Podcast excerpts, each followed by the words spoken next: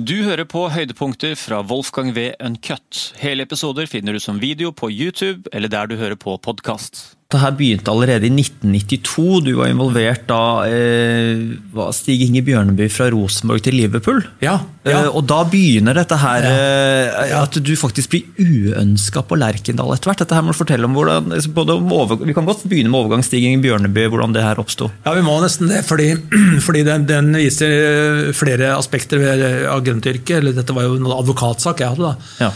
Eh, så Stig Inge jo, han var jo en veldig veldig god og lovende fotballspiller som gikk fra Kongsvinger til Rosenborg, som du sa. Og da sikret eh, Kongsvinger seg en videresalgsklausul som gikk på at de skulle ha 20 av overgangsbeløpet når, eller hvis eh, Stig Inge gikk fra Rosenborg. Mm. Og, og, det, og, det, var greit. Og så, som du sier, fortalte, så gikk jo Stig Ingebø til, til, til, Liverpool med bistand av, av Rune Hauge. Og det må jeg også få lov å nevne, at sånn som det har blitt fortalt til meg, så gikk jo da Rune Rauge han, han, han, krevde at Rosenborg skulle bo på ett hotell, Liverpool på et annet hotell og Stig Inge på et tredje hotell. Yes. Så de skulle ikke skulle møte hverandre, så han gikk mellom disse tre hotellene og forhandlet. Han representerte alle tre partene. Ja, Så han hadde full, full, full kontroll. Full kontroll, altså. full kontroll. Og så øh, endte det jo med en overgang hvor Liverpool skulle betale jeg tror det var 15 millioner for, eller 18, noe rundt der. Liverpool betalte 20 millioner 20, kroner, 20, ja, ja. mens Rosenborg mottok kun 15 millioner. skrev ja, ja. Uh, så uh, tilbød Rosenborg de, de, de hadde jo uh, denne klausulen med, med Kongsvinger, og så tilbød de oppgjør basert på det lavere og det, det Rosenborg mottok. Mm. Jeg tror det var 15 millioner, ja. Så det ble borte anslagsvis røftlig, sånn jeg husker det med ta med klype salt, men jeg tror det var 5 millioner som ble borte underveis. Mm. Som viste seg at det var agenthonorar til Rune Hauge.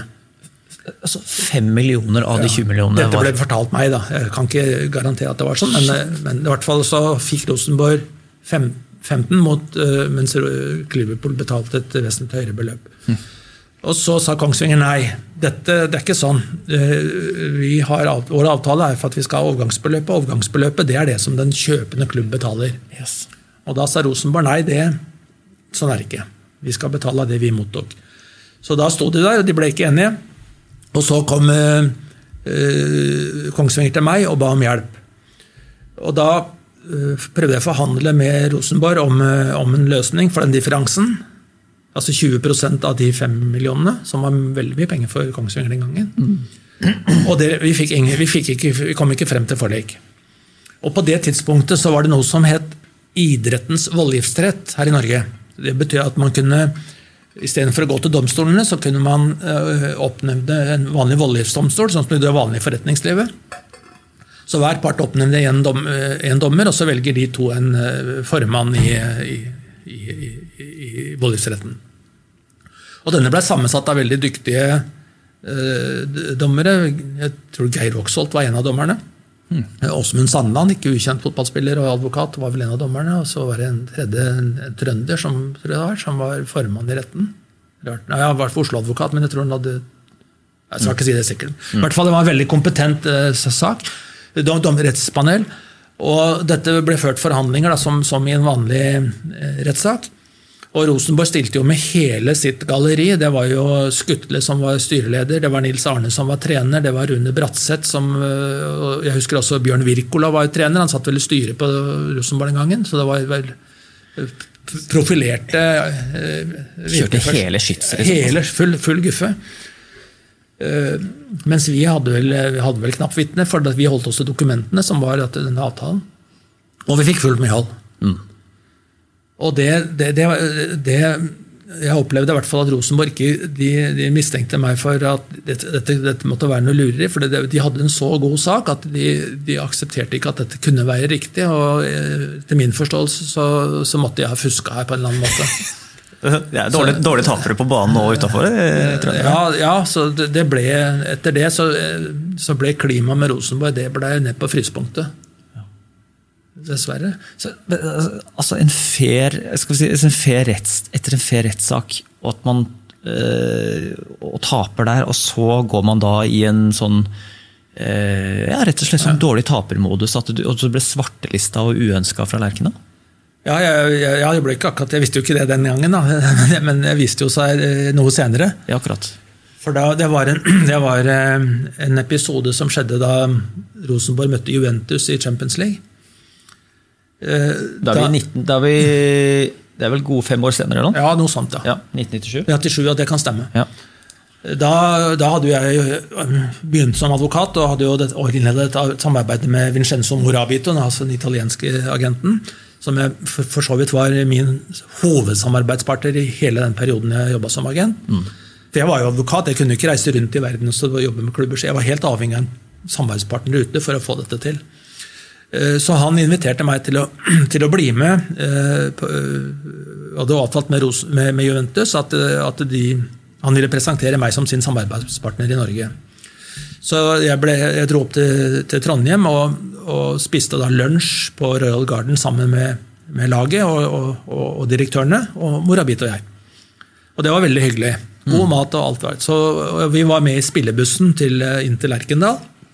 Det i seg sjøl var jo også morsomt altså, se det folkelivet som var i, mm. i, byen, og, og, og, se spillernes reaksjoner, eller mangel på reaksjoner, hvordan de forberedte seg til kampen. Og, så det var mange, mye av jakta. Det var, det var, det var, var gøy.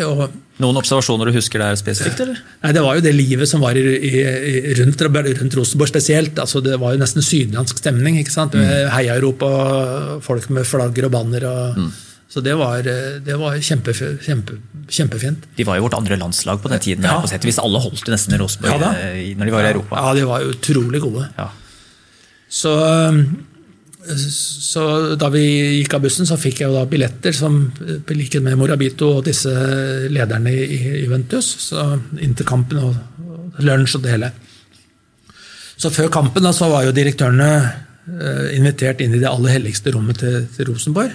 Eh, ja, noe à la dette rommet her. Som er sånn styrerom? eller? Nei, det var ikke styre, det var en sånn VIP-rom av noe slag. Med servering. Ja, ja. Og så Maten var god, den. Godt drikke. Og så, mens vi da sitter der og spiser Det var vel en fire-fem direktører, og så var det Morabit og meg. så Seks, syv, åtte personer av oss. Mm. Så kommer det en, en sånn skikkelig en gorilla Eh, i, i sånn uniform. Så prikker meg på skulderen. I den VIP-boksen her? Mens vi satt der inne på, på å spise lunsj. Eller forrett eller til kampen. Og så spør han hva gjør du her? Ja, ja, det tenkte jeg òg. Hva er dette for noe? Ja, har du billett? Ja, selvfølgelig har jeg billett. Ja, får jeg se den? Ja. Her er billetten. Mm til lunsjen, til kampen og, og alt sammen. Og så gikk det ja, to-tre minutter. Så kommer han ut igjen.